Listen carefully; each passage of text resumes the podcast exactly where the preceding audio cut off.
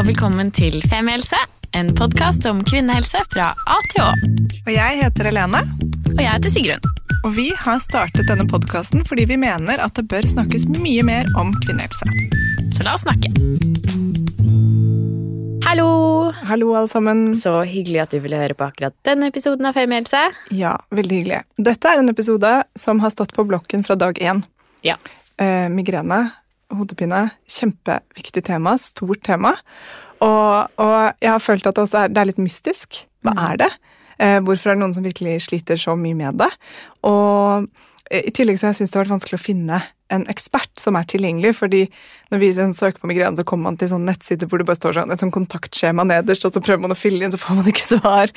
Og så, og så er jo, fordi så mange har migrene, så er også disse ekspertene ekstremt busy. Ja, fordi det er det jeg hadde lyst til å si, det er mystisk, men jeg føler også jeg omgir meg med veldig mange som har en eller annen form for migrene, og at jeg har gjort det i veldig mange år. Ja. Ikke som barn, men et typ fra ungdomsskolen og oppover. Enig. Også, men grunnen til at jeg mener at det er mystisk, er for jeg føler at de aldri får helt svar Ja. på hva de kan jeg gjøre. Liksom- mystisk. Jeg bare føler at det er en sånn Jeg ville bare si, Sigrid, det er mystisk. Det er, en mystisk miks mellom mystisk og vanlig. Helt enig. så nå gleder jeg meg til å endelig få noen svar på hva det egentlig er, Mm. og om eh, migrene er så forskjellig som jeg har inntrykk at det er for alle disse forskjellige menneskene. Så Mm. Så en venninne av meg, Mette, shout-out til deg, som endelig satte hello, oss ja, endelig satte oss i kontakt med Tine, som er ekspert på migrene og hodepine. Og Tine, kan ikke du gi en kort introduksjon av deg selv, og velkommen hit? Ja, takk for at jeg får komme, sier jeg. Jeg syns dette er kjempegøy. Å få spredd kunnskap, det er jo det jeg lever ånde for. Jeg heter da Tine Pohl, og jeg driver Oslo Hodepinesenter på Skøyen i Oslo. Og jeg er allmennlege med en litt over gjennomsnittlig interesse for hodepine og migrene. Og det er selvfølgelig fordi jeg har migrene selv, og har hatt det siden jeg var barn. Og fikk diagnosen ganske sent, så jeg eh, har da jobbet med dette i 30 år nå. Ja, nettopp. Så, det var, så, så du ble først lege, så, men så spesialiserte du deg, for du tenkte at dette er noe jeg lider av selv også. Ja, det er jo ikke noe spesialitet som heter migrenelege eller hodepinelege, men etter hvert så er vi en del leger eh, i verden som spesialiserer oss på det allikevel, og jobber bare med hodepine. Så selv om det ikke er noen offisiell spesialitet, så er man da en hodepinespesialist. Skjønner. Så fint. Og kan Oslo hodepinesenter, er det det det heter? Det heter uh, senteret, ja. din? Ja. Eh, Og alle kan komme dit, eller er det noe Alle kan komme dit, men det for? som er forskjellen på, på dette her, det er jo at dette er helt privat. Fordi jeg har ikke noe offentlig tilskudd. Fordi jeg er allmennlege. Skulle jeg jobbet som allmennlege, måtte jeg da vært fastlege. Og da må du ta et bredt eh, Da må du ta alle pasienter, ikke sant. Gravide, eldre, alle mulige sykdommer. Og jeg er egentlig bare interessert i pasienter med hodepine, jeg. Skjønner. Men skal vi ikke begynne der vi pleier å begynne? Jo, men først vil jeg spørre, si en ting. Fordi du har også skrevet en bok om dette. Det har jeg. Ja, bare sånn at jeg husker det. Hva heter denne boken? Den heter Migrene. Migrene. Ja. Og den er gitt ut på Skipsted forlag. Den ga ut på Skipsted, og det er noen år siden nå. Mm.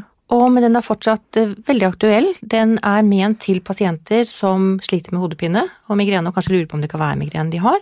Og også alle, også helsepersonell, alle som jobber med noen som har migrene, kan det være veldig relevant for.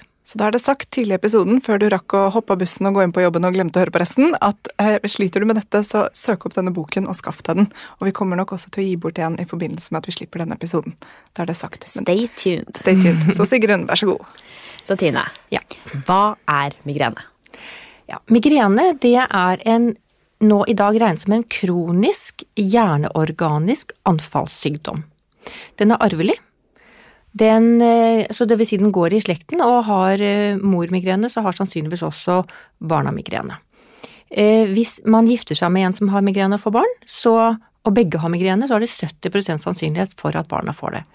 Men eh, er det bare én av foreldrene som har det, så er ligger det kanskje på 30% men det er altså en hjerneorganisk sykdom på lik linje med epilepsi og andre sykdommer. Det er en signalfeil på en måte i hjernen. Eh, og vi kan egentlig ta det nå, for det er ganske spennende. Eh, vi kommer sikkert til det senere med nye medisiner, men man vet per i dag at vi som har migrene, vi har mer av et stoff som heter CGRP. Det står for kalcitonin genrelatert peptid, og det er et signalstoff i hjernen som vi har mer av enn dere som ikke har migrene. Og når vi får migreneanfall, så stiger CGRP. Og så tar vi anfallsmedisiner, så faller det igjen, hvis vi tar de riktige medisinene. Og vi kan komme litt tilbake til det med forebygging, men husk på dette her med CGRP, det er kjempeviktig. Og hva betyr det at det er en anfallssykdom? Det betyr at man har frisk mellom anfallene. Ikke sant? Du, du har hodepine, du har ikke hodepine hele tiden. Det er da noe helt annet. Det er ingen som våkner med migrene en dag og har det hver dag resten av livet. Man kan godt utvikle en kronisk migrene hvor man har det relativt hyppig. Eh, men, men, det er som regel da fordi man har fått for dårlig behandling underveis, at det blir hyppigere og hyppigere, og så ender det som kronisk migrene. Eh, så man er jo frisk mellom anfallene, da. Så betyr det at man også kan våkne opp en dag og aldri få det igjen? Nei, det gjør det egentlig ikke. Fordi at eh, for å få diagnosen migrene Vi har to typer migrene med aura og migrene uten aura. Og det er bare 20% som har aura. Hvis Hva er aura? Aura det er synsforstyrrelser, føleforstyrrelser eller taleforstyrrelser som kommer i forkant av hodepinen, varer fem minutter til en time før du får vondt i hodet. Det er det ikke alle som har. Men hvis du har aura, så skal du bare ha to anfall i livet før du kan få diagnosen. Hvis du har migrene uten aura, så skal du ha fem anfall før du kan få diagnosen. Det vil si svaret er nei på det du spurte om. Mm. Du kan ikke bare ha ett anfall, våkne med det en dag og så aldri ha det mer. Da er det ikke migrene. Riktig. Så da er egentlig mitt oppfølgingsspørsmål hva er forskjellen på å ha skikkelig vondt i hodet og migrene uten aura, da? Ja, jeg skjønner spørsmålet ditt. Da vil jeg si at migrene er ikke det samme som hodepine. Migrene er en sykdom hvor hodepine er ett av elementene. Det er så mange andre ting som følger med et migreneanfall, som altså det som er kjent, er jo kvalme, oppkast, synsforstyrrelser, eh, lys- og lydskyhet, disse tingene, men det er også depresjon og angst som følger med hvert enkelt anfall, vondt i nakken vondt i kroppen, hyppig vannlating, uvelhet, mange andre ting som følger med hvert enkelt anfall, og der har du forskjellen på en vanlig hodepine og migrene. Og denne angsten og uroen, er mm. det uh, noe som skjer med, med, på en måte det hormonelle, eller er det fordi man blir redd Uh, og på en måte påvirket av altså at det påvirker tilstanden, eller syk, ja. tilstanden som påvirker psyken, hvis du skjønner hva jeg mener? Ja, jeg skjønner godt ja. hva du mener. Dette har med signalstoffene i hjernen å gjøre. De samme stoffene som har med depresjon og angst å gjøre, som er i ulage under et migreneanfall. Så det følger på en måte hverandre lite grann. Og så det er ikke bare det at man får angst fordi man får vondt, det er fordi dette er signalfeil i hjernen som gjør at man får det sånn. Men det er veldig godt å vite om for de som har migrene at det er helt vanlig å være nedstemt før, under og etter et anfall. Og wow. veldig mange blir lettet når jeg sier det, fordi oi, er det derfor jeg har det sånn? De skjønner på en måte ikke at det er en del av migrenen. Og det Nei. samme med nakkesmerter. De tror at oi, jeg har vondt i nakken, det er sikkert sånn spenningshodepine. Det har ikke noe med det å gjøre. De aller fleste som har migreneanfall, har nakkesmerter under anfall. Og det er kjempeviktig å vite. Er vi, er, er vi gode på å diagnostisere migrene i Norge? Morsomt at du spør om det. Det er en av mine kjepphester, da. At det er så mange som går rundt og ikke vet at det er migrene. Det her, og det er så trist, for vi kunne hjulpet de så veldig mye bedre. Og det er ikke så veldig vanskelig å stille den diagnosen hvis legen spør de rette spørsmålene. Men Ofte så ligger feilen også hos pasienten, som ikke engang nevner til legen at de har vondt i hodet, for de tror ikke det er noe å gjøre. Eh, og så er det studier som viser det at hvis du først nevner hodepinen din til legen, hvis du kommer til legen pga. hodepine, så er det høyst sannsynlig migrene. Det er migrene til det motsatte av bevis, selv om verken du som pasient eller legen i utgangspunktet tror at det var migrene.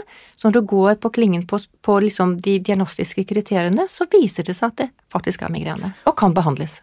Så hvis jeg hadde kommet til deg og sagt ok, jeg har hatt fem sånne type veldig sånn kraftige hodepinerunder, mm. jeg vet ikke hva det er, hvilke spørsmål ville du da stilt meg for det, å satt diagnosen? Ja, eh, det jeg aller først ville gjort før jeg stiller spørsmålene, det er å gi deg et skjema som du fikk med hjem til neste konsultasjon, for de fleste sier det på vei ut av døra. ikke sant? Sier 'Å, forresten, kan jeg få noe paragiforte av deg, jeg har så vondt i hodet'. Da gir jeg et skjema, som er et skjema du skal fylle ut hjemme, med alle disse spørsmålene på, hvor du skal tikke av i bokser. Er den ensidig? Dunker det? Forverres i fysisk aktivitet? Er jeg kvalm? Uvel? Har jeg lys- og lydsky under anfall? Eh, hvor lenge varer det? Masse spørsmål per hodepineanfall. Og da kan jeg med et blikk se på det skjemaet og stille en diagnose ut fra det. Selvfølgelig skal jeg utelukke at det kan være det vi kaller sekundære hodepiner, dvs. Si de farlige, som er ekstremt sjeldne, men ved undersøkelsen og ved spørsmålene mine så vil jeg selvfølgelig også utelukke det at det kan være noe farlig. Ja, Som svulst eller ja, ja sånn ja. type ting. Mm. Skjønner. Det er noe ganske morsomt med det som er, som jeg lærte veldig tidlig i USA, på et kurs jeg var der da jeg var helt ung, som het Comforting Science. Og det er, fordi For migrene så er det veldig vanlig at den skifter side under anfall eller fra anfall til anfall. Og så sier han, eh, Roger Cady het han, Eh, har du noen gang hørt om en hjernesvulst som hopper fra høyre til venstre? Nei, det var det ingen som hadde. Ja, that's a comforting sign. ikke sant? Altså Hvis den skifter side, så er det migrene som regel. ikke sant? Det er ingen svulst som gjør det. Nei. Så det er en del sånne ting vi har eh, som vi kan, som sitter i ryggmargen vår, som vi liksom bare, vi bare vet det. Og vi vet når det er det vi kaller røde flagg, det er hvis det er ting som ikke er normalt. En hodepine som oppstår første gang etter fylte 50 år, er farlig til det motsatte er bevist. Det skal undersøkes, for eksempel. Ja, fordi når er det vanlig å få migrene? Det er vanlig, hvem får det, da? Ja, hvem får det? Eh, For det første så er det tre ganger så mange kvinner som menn som har migrene. Og det er blant annet fordi det, det dere snakker om de hormonelle faktorene, at vi har svingende østrogener, og det gjør at hodepinen eller migrenen er hyppigere hos kvinner, da. Når det gjelder små gutter, så er det flere guttebarn enn jentebarn i førskolealder, og det er ikke alle som vet. Så barn får vanlig. også migrene? Barn får også migrene. Spedbarn kan få migrene, apropos. Sant. Ja. Uh, og det, kan, det oppdager man jo først mange år etterpå og tenker at å ja, det var det det var den gangen. Eh, så guttebarn har det oftere enn jentebarn, små, og så kommer jentene i puberteten, da overtar de. Da begynner jo hormonene å svinge skikkelig, og da er det flere jenter enn gutter. Og ved 18-årsalder så er vi oppe i voksen alder, og da er det tre ganger så mange kvinner som menn som har den sykdommen. Og hyppigheten er stor. eh, at det, opp, altså det oppstår veldig ofte i 20-årsalderen. Så enten sånn 13-14 år når de får mensen, eller så er det ofte i 20-årsalderen. Og det er ofte hormonelle endringer som bruk av p-piller, svangerskap, amming, overgangsalder som kan gjøre at det svinger, at den blir verre. Eller at den oppstår. Men jeg må bare tilbake til dette med spedbarn, for nå ble jeg sittende og egentlig bare tenke på det. Så hvis, hvis eh, du eh, har migrene selv, og så blir du mor, Mm. Ja. eh, og kanskje mannen din også har migrene, så er det veldig stor sjanse for at dette barnet en eller annen gang i livet kommer til å oppleve det. Mm. Og så har den mye uro, og man tenker at det er ikke kolikk og sånne ting. Mm. Kan et spedbarn få diagnosen i så ung alder? Eh, Nei, vi gjør jo egentlig ikke det. Vi setter ikke diagnosen der og da. Den kommer ofte mange år etterpå hvor vi skjønner det. Ja. Eh, Og du kan ikke gi medisiner til et sånt lite barn for å teste Nei, heller? men vi gir det til barn, men ikke til så lite barn. Nei. Eh, Det er noe som heter abdominalmigrene. Abdominal betyr mave, altså mavemigrene, og det er veldig vanlig at barn har Ikke vanlig, da, men det er jo en vanlig manifestasjon av migrene hos barn, at de får vondt i magen. Og jeg kan huske fra min egen datter, i mange år så hadde hun ukarakteristiske mavesmerter, og hun hadde også som spedbarn hvor vi for i full fart opp til Ullevål sykehus, og det ble gjort masse undersøkelser, man fant ikke ut av hva det var, hun var ikke kontaktbar i vognen og bleik og, og forferdelig skummelt. Og det viser seg da i ettertid at hun har jo fått migrene, og hun hadde også mange år med abdominalmigrene, da, før hun fikk hodepine. Så skummelt. Ja, så utrolig spennende på en måte at, at det man tenker er liksom en kolikk, eller ja, at det kan henge sammen sånn. Mm. Ja, du skjønner hvorfor jeg syns dette er gøy? Ja, ja, jeg syns det er kjempegøy. selv. Ja. Ja, og så nå i dag med nye medisiner, så er det jo faktisk veldig morsomt å være med hodepineleger, da. Ja. Det er kjempegøy. Mm, for det må vi komme litt tilbake til. Vi må men- snakke litt om ja. det, men vi må først snakke litt mer om hormoner. Yes. Eh, fordi hvorfor Altså, du sa jo det at det er hormonelle svingninger som gjør at kvinner er eh, mer utsatt for å få migrene. Og så snakket du om dette CT Hva heter det? CGRP. CGRP, som Ja. de som har migrene, har en overproduksjon av det. Var det Ja, vi Altså, mer av det. eh, påvirkes det av da eh, østrogen? Nei, eh, ikke CGRP direkte, det vet man i hvert fall ingenting om enda, men det er, Er det et veldig godt med? spørsmål. Eh, det vet vi jo heller ikke. Man er jo ikke født med migrene, men man har nok en tendens til å ha eh, altså Det er jo en genetisk faktor her, da. At man eh, Noen mennesker har bare mer CGRP enn andre, og vi får da lettere migrene. Anfall. Eh, og det kan man da hemme med antistoffer i dag. Men eh, det er ikke noe direkte link mellom det hormonelle og CGRP, det jeg vet i hvert fall. Men de hormonelle svingningene, altså fall i østrogen, det faller ved hver menstruasjon, det er stabilt i svangerskapet, derfor er det mange som blir bedre i svangerskapet, og så blir de verre igjen etterpå. Eh, Så vi vet at de hormonelle endringene, eh, syklusrelatert, kan gi migreneanfall hos en som har migrene. Fordi mensenmigrene, er det en ting? Ja, altså det heter menstruasjonsrelatert migrene. Eh, Det er de pasienter som lider av migrene, som er verre under menstruasjon enn ellers i syklus. Altså Da har de det skikkelig ille. Da er det mer vondt, og det er mer langvarig, det er vanskeligere å behandle. Og så er det noe som heter true menstrual migraine. Det er de som bare har det under menstruasjon, og aldri ellers, og det er veldig sjeldent. Men den der andre menstruasjonsrelaterte, hvor de er verre under mens, den er veldig hyppig.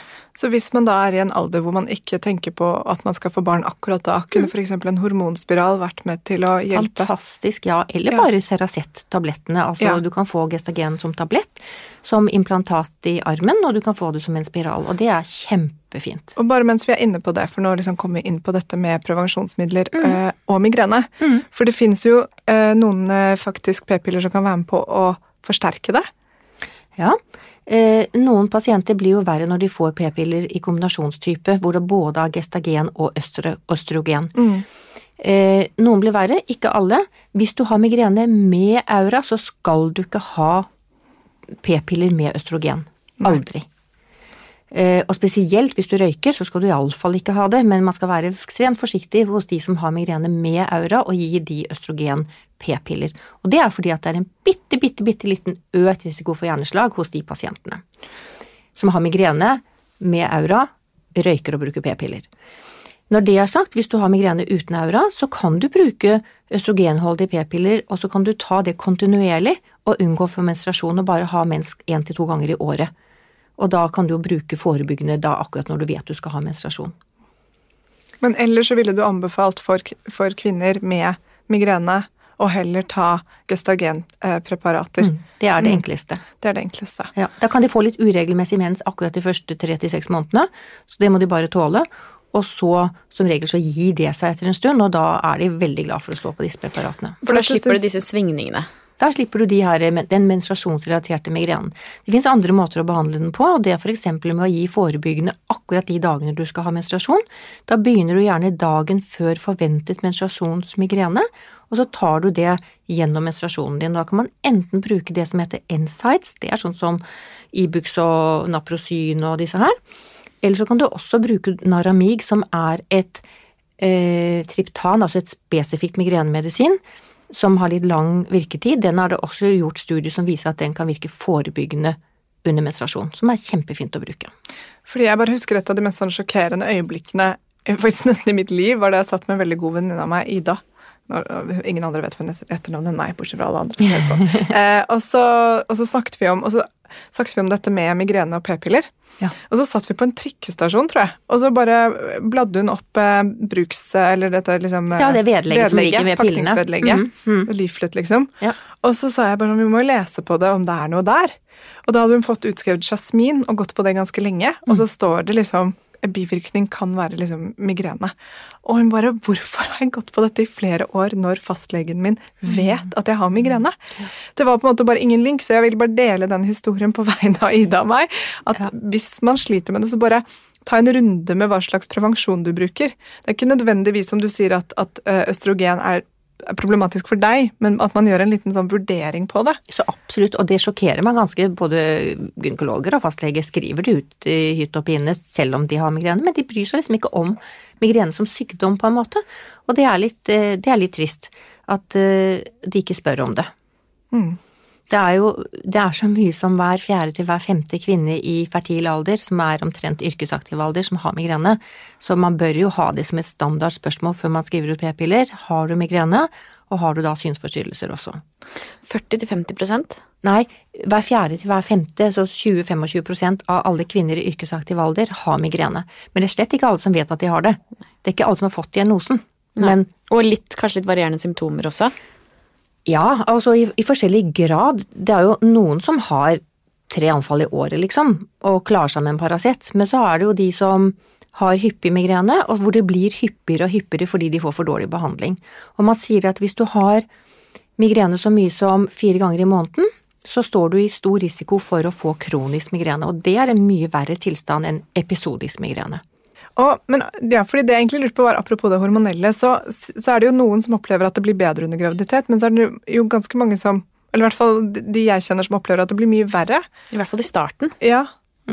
Og slutten, egentlig. Eller over Ja. hele veien. Du deler svangerskapet i tre. Ikke sant? Et, et trimester er tre måneder. Og mange kan bli verre i første trimester, og så roer det seg ofte ned i andre, kanskje også tredje trimester. Eh, og det er av hormonene som blir mer stabile etter hvert ut i svangerskapet. Eh, det er Et annet spørsmål er jo også det når du planlegger et svangerskap, og du står på medisiner for migrene. For det glemte jeg å si at hvis du har mer enn tre anfall i måneden, så skal du snakke med fastlegen din om å få forebyggende medisiner. Tre anfall i måneden er liksom grensen av hva vi tolererer før vi gir forebyggende medisiner, som du tar hver dag. Og så kommer de og sier ja, men nå vil jeg gjerne bli gravid. Og så er det de færreste av de forebyggende medisinene som det liksom er lov å stå på når du blir gravid, da. Og da må du snakke med legen din og planlegge svangerskap. Hvis du har migrene og står på medisiner, både anfallsmedisiner og forebyggende, så skal du snakke med legen din.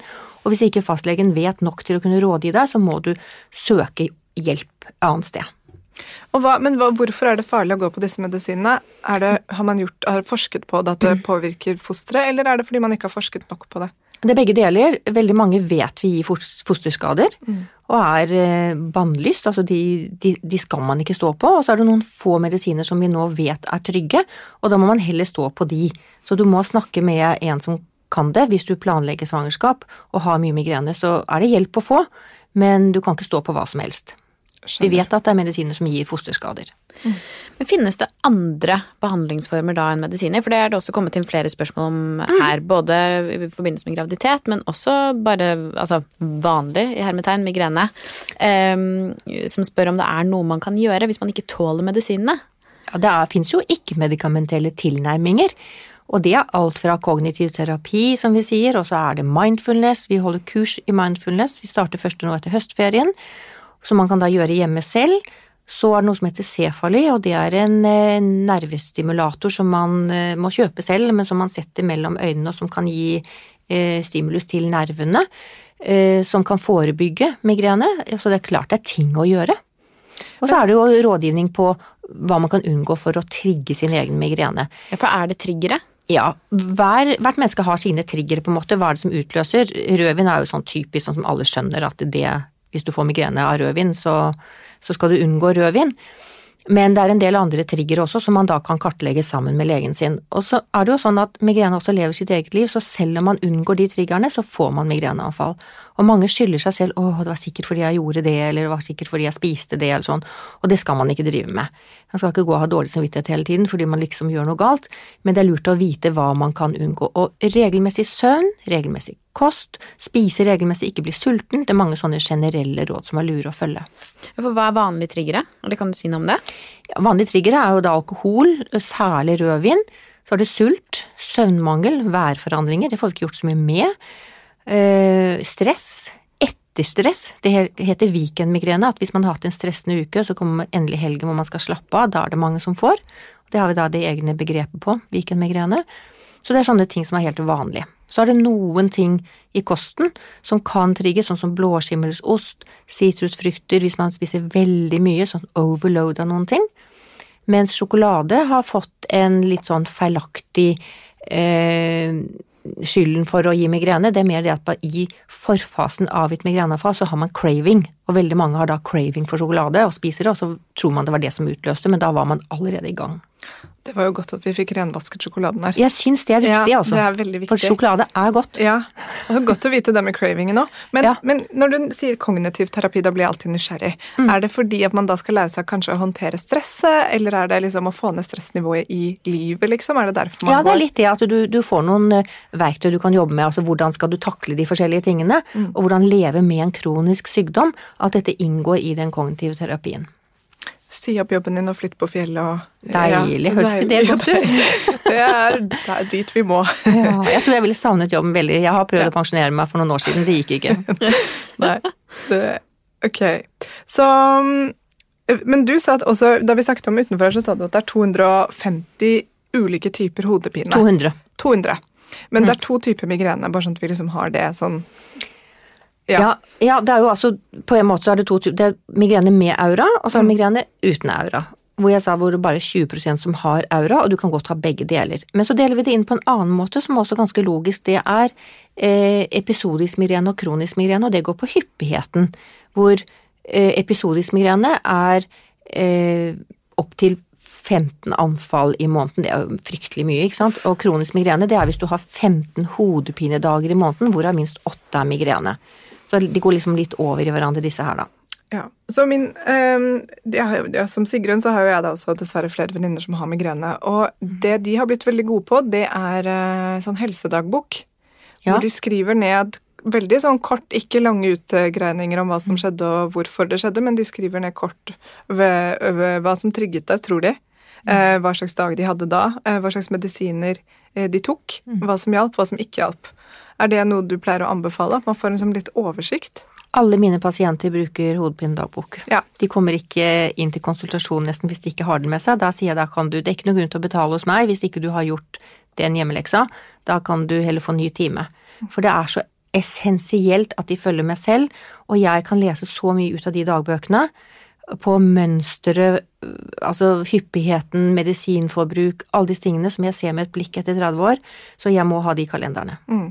Og da tenker jeg at i en sånn dagbok så er det spennende å være liksom ærlig på hva man faktisk Ja, ja. Jeg vet jeg brukte Ja, ja. For å gå ned i vekt for mange år siden. Jeg går aldri på det igjen, bare så det er sagt, men um, da husker jeg alltid at det var sånn Kanskje bare Det var ikke tre øl, det var sikkert bare to.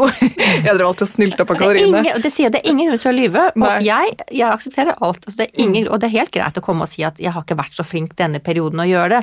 Så sier jeg da gjør vi det heller litt bedre neste gang, for de har alltid med seg kalenderen sin, men så kan jeg se at det ikke er fylt ut ordentlig, så får vi heller gjøre det ordentlig til neste gang. Men eh, det er ingen grunn til å lyve for seg selv eller meg, Nei. for da kan ikke jeg hjelpe de. Kan sex være en trigger? Eh, både og, ja. Eh, ikke nødvendigvis til migrene, men det er en eh, hodepineform som heter seksuelt utløst hodepine, og den kan man forebygge med en spesiell medisin. Eh, det er nå så, men når det er sagt, så er det nesten omvendt, da, at det å få utløsning, det kan bedre migrenen noen ganger, Mm, men da er, du, måte, er de i stand til å ha sex. Har de så migrene at de ikke kan, så kan de jo ikke. Men hvis du er på vei inn i et anfall, så kan det faktisk hjelpe å ha sex. Da blir mennene veldig glad når jeg sier det på foredrag. Fordi Det har kommet inn et spørsmål her som er jo litt reft det, på en måte, men jeg synes er litt spennende. Mm. det er, Vet du hva som skjer i hjernen under et anfall? Ja, vi vet veldig mye mer i dag enn vi gjorde før. Før så trodde man at det var en ren blodkarsykdom, at det var liksom karene i blodårene i hjernen som utvidet seg og trakk seg sammen igjen.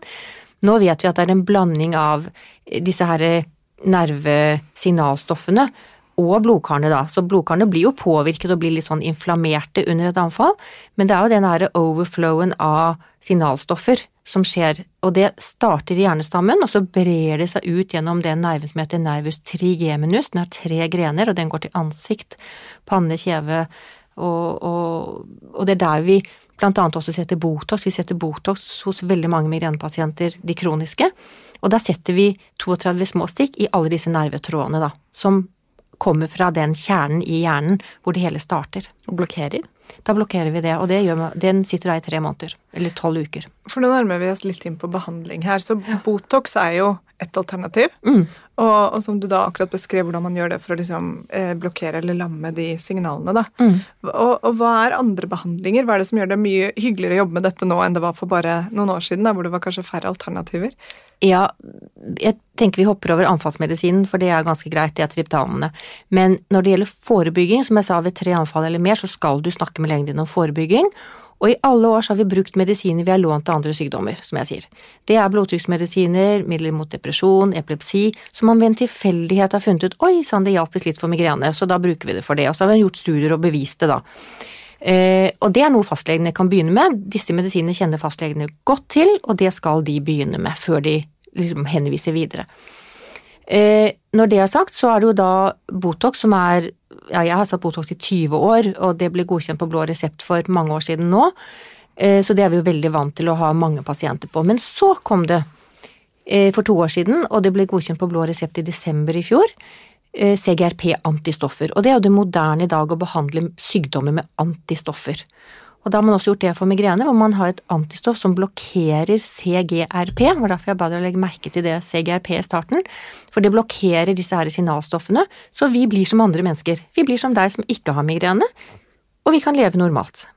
Så kult. Det er jo helt fantastisk, da. Det er helt fantastisk, men det er ikke alle det har effekt på.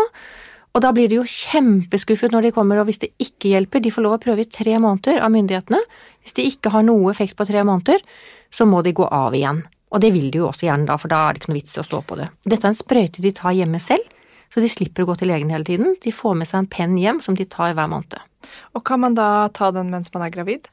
Nei. Nei. Og dessverre, jeg har jo mange unge som da ikke kan stå på den. De har kanskje prøvd den og vet at de får et bedre liv. Så må de av i fire måneder før de kan bli gravide. og det kan være ganske vanskelig. Men de kan bruke Botox. Vi kan bruke Botox i svangerskapet i dag, sånn så, så det, er, det, er, et godt alternativ da. Så det kan man, det visste det vi ikke. Kan man, nei, det visste vi ikke før heller, men det gjør vi nå. Oppfølgingsspørsmål til dette. Altså, det at man ikke kan gå på medisiner mens man er gravid, er jo da åpenbart en bivirkning. på en måte. Har migrenemedisiner noen andre kjente bivirkninger som er Ja. verdt å nevne? Alle medisiner har bivirkninger, vil jeg si. Men noen sånn Og de mer er forskjellige. vanlige? Ja, altså Hvis vi nå snakker om de nye CGRP-antistoffene, så er det forstoppelse som er den hyppigste bivirkningen. Eller så er det svært lite bivirkninger på CGRP-antistoffene. Botox har heller ingen bivirkninger å snakke om. Man kan få litt tunge øyelokk hvis man får satt det feil, men ellers så et lite blåmerke, men ellers så er det lite bivirkninger på de. Når det gjelder tablettbehandlingene, som vi har snakket om, altså mot blodtrykk og mot epilepsi og sånn, så er det en rekke bivirkninger. Kan være tunge å stå på. Um, kan jeg ta et litt annet spørsmål, da? Et spennende som har kommet inn fra en av dere som, som hører på, som er um, Vet eksperten deres om det er en forbindelse mellom tarm og migrene og hodepine? Ja, det er jo mange forbindelser der. Det fins EGRP-reseptorer også i tarm, nemlig. Og vi vet jo det at eh, det følger med kvalme, uvelhet under migreneanfallene. Og mange kan få forstoppelse eller diaré, så det er klart en sammenheng mellom tarm og hjerne her. Så mens vi snakket om det, så måtte Sigrun bare snike seg ut til en gråtende Eva på studioet. Ok, ja, fordi dette er Men hvorfor er det det? Du det? si at Eva er fire måneder, da. Ja, Eva, Eva er fire måneder, bare sånn at alle ikke tror at det er eh, produsenten vår. ja, Nei, så da ble det Vi får se om Sigrun kommer tilbake eller ikke. Men, så ok, reseptorene sitter da for CGRP også i magen. Og det, det er derfor man blir kvalm, og det er derfor man blir uvel. Det vet vi ikke helt hvorfor man blir kvalm og uvel, men det er derfor man kan få forstoppelse av noen av medisinene, da. Ikke sant? Fordi at eh, da virker det også på tarm. Og så men kan det være en, en år, sammenheng mellom det å være liksom mer ha på en måte sånn IBS-symptomer, at man er mye dårlig i magen, og ha migrene? Det vet vi ikke helt sikkert. Nei. Opplever du at mange pasienter hos deg har problemer med magen i tillegg til hodepine? Jeg opplever mange pasienter har problemer med magen, ja. Men eh, en direkte sammenheng eh, kan vi ikke si med 100 sikkerhet. Nei. Skjønner. Men eh, hvis det er noen som sitter og hører på nå og kjenner seg igjen og tenker at 'jeg har jo migrene', hva gjør man da? Hvor går man hen da? Ja, Da går man til fastlegen, men jeg kan anbefale at man fyller ut skjema på forhånd, enten en anfallsdagbok, vi snakket ikke helt om den, den kan man enten få i papirformat, eller man kan få eh, nedlaste en app som heter Hodepinedagboka. Det finnes nå også flere eh, hodepineapper som man kan fylle ut. Eh, og det er forskjell på et registreringsskjema, hodepine dagbokkortet, som du finner, alle disse finner du på Hodepine Norge, pasientforeningens hjemmeside. Under skjemaer så ligger alle disse her. Og hodepinedagbokkkortet det er mer ment som en utredning for å få diagnosen. Mens anfallsdagbøkene er mer ment for oppfølging når du først har fått en diagnose. Så det er litt forskjell på det, da. Riktig. Og, eh, og da kom du jo så vidt inn på Pasientforeningen, for det finnes det. Ja. Som du startet. ja, men jeg startet den pasientforeningen for tre år siden, og nå har vi over 2000 medlemmer. Wow. Og vi vil gjerne ha 2000 til veldig snart. Vi vil gjerne vokse og bli store, for jo flere vi er, jo mer kan vi hjelpe. Og Hodepine Norge er da en eh, pasientforening som jobber for at alle med migrene og andre hodepinesykdommer skal få et meningsfylt liv, og få mer innsikt i sin egen sykdom. Vi jobber også politisk med at vi skal få flere rettigheter og få nye medisiner så raskt som mulig.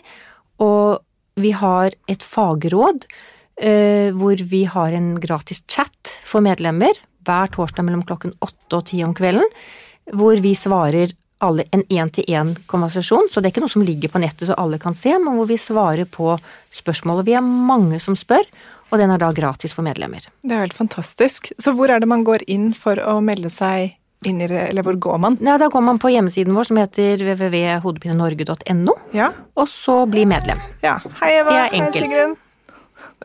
Er Der kom kom Da er det puppi- puppimonitor. Puppimonitor. Ja, Det er jo, jeg tenker, det må så det femihelse som det blir. Ja. Mer puppimonitor. Ja. Ja, men så, det er jo, og denne pasientorganisasjonen, det er jo da eh, Der finner man også en del informasjon, og man kan lese seg opp på ting også på nettsiden. Og er det noen, er det noe liste over eksperter der? Er det noen sånne ressurser? Vi har eh, ikke lagt ut noe liste, vi er i gang litt med det. Eh, men det er et tveget sverd. Det er fordi å liksom, reklamere for noen fremfor andre er ikke så veldig lett. Sånn, så den jobber vi litt med, den saken der. Men, eh, men, Og det kommer også an på hvor i landet man bor. Det er mange som spør på chatten, og det er veldig vanskelig å, å liksom gi råd om det. Men øh, ja, det var jo det, da. Ja. ja. Men det går an å snakke med dere på chat, da. Det så går an å snakke med oss på chat, og, og da hender det at jeg spør hvor bor du hen, og så kan jeg gi et råd og si men der er det, vet jeg det er hjelp å få. Så, så Men vi, vi, vil jo nødig reklamere for oss selv, og vi har også nok å gjøre, men vi, vi tar imot, og vi hjelper alle vi kan. Mm. Det er fint. Mm. Prøve å oppsummere litt, da. Ja. ja. Um, så vi har da sagt om at det er um, ca en fjerdedel til en, ja, en fjerdedel av alle kvinner i fertil alder har migrene. Ja. Som er jo et stort tall og veldig alvorlig. Mm. Um, og så er det ikke alle som får diagnosen før ganske sent i livet. Nei. Det kan være litt diffust. Mm. Uh, og det er ikke selvfølgelig alle som har enorm kunnskap om dette av helsepersonell heller. Og Derfor så er det viktig at eh, hvis du som hører på nå eh, tenker at dette kan være meg, at du faktisk tar en ordentlig runde hos fastlegen din og fyller ut dette skjemaet og får hjelp. Fordi det vi hører i dag, er at det er hjelp å få. Absolutt. Ja, Gode medisiner, gode behandlinger og bare det å få litt sånn oversikt over hva er mine trigger og hva ikke. Kan jeg si opp jobben og flytte til fjellet? Kan jeg ikke? Hvordan løser jeg dette? Mm. Um, og nettopp dette som jeg synes også som var veldig fint, som du sa innledningsvis, er dette med angst og uro som også følger med anfallene. At man, at man da vet at det er typ liksom den eneste sammenligningen jeg kan komme på i mitt liv, er PMS. At jeg ja. vet at åh, så digg, jeg vet at dette er PMS. Livet mitt er ikke forferdelig. Jeg kommer til å få mensen. Ja, for du vet liksom at i morgen er det over. Yes. Eller når migreneanfallet er over, så jeg, er jeg bedre humør. Og det mm. er veldig godt å vite når mm. du får det sånn. Mm. Jeg også, har også lyst til å si det, for det er sikkert mange helsepersonell som hører på dette her, at for helsepersonell så har vi laget en egen pod som heter Hodepodden, hvor alle som er helsepersonell, ikke bare leger, men også sykepleiere, farmasøyter, fysioterapeuter, alle kan gå inn og høre, og den legger vi ut en gang i måneden, og der har jeg en samtale med spesialistene i Norge om hodepine, om diagnostisering og behandling, og den eh, kan være interessant for mange å høre på. Det er fantastisk. Og hvor finner helsepersonell denne? Ja, da må de, Per i dag så må de nok gå inn på botox.no, for den er sponset av firmaet Allergan. Eh, Eh, Abby, og eh, derfor så er det veldig strenge restriksjoner som kan ikke ligge ute på hodepodden, fordi den er da for helsepersonell. Så mm. da må de gå inn på botox.no. Ja. Så finner de den. Skjønner. Nettsiden. Jeg var så fort seg å gå inn der. Ja. Ja. Um, ja. og en annen uh, fin ting som du også sa i starten, var jo dette at hvis du har hatt hodepine med aura, så trenger du bare ha hatt ett anfall. To, to anfall. To anfall uh, for, for å, få diagnosen. Det er akkurat det. Mm. Og så var det fem, var det ikke det? Uten... Hvis du har uten aura, så skal du ha hatt fem anfall. Og de, alle som kommer til oss, har jo hatt flere anfall, det er derfor de kommer.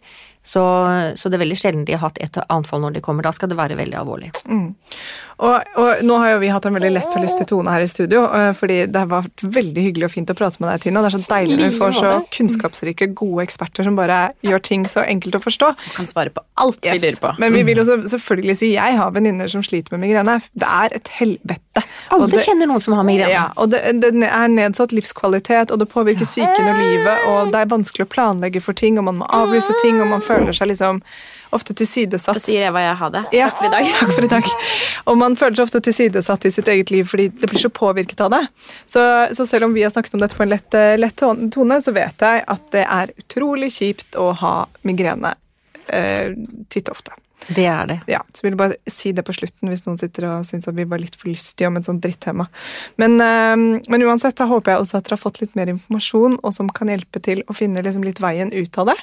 Så øh, gå inn på hodepinenorge.no og sjekk ut. Og så har jo du, som vi nevnte innledningsvis, skrevet boken 'Migrene', mm. øh, som også kan anbefales hvis dere vil dypdykke litt i temaet. Så tusen takk, Tine, for at du kom hit i dag. Bare hyggelig. Kjempegøy å være her. Ja, så godt. Takk for at du hørte på, og så snakkes vi snart. Ha det! Tusen takk for at du hørte på podkasten vår. Selv om det forhåpentligvis kommer tydelig frem, så vil vi understreke at vi ikke er helsepersonell. Ja, så Som vanlig, kontakt legen din om du har noen spørsmål, eller om du skal begynne på noen form for behandling. Og Har du et tema som du har lyst til at vi skal snakke om, eller noe ris eller ros, så send oss gjerne en melding på Facebook eller på Instagram. Der finner du oss under Femihelse. Mm. Og du kan gjerne rate oss på iTunes, det er skikkelig hyggelig for oss. Ha en fin dag. Ha en kjempefin dag.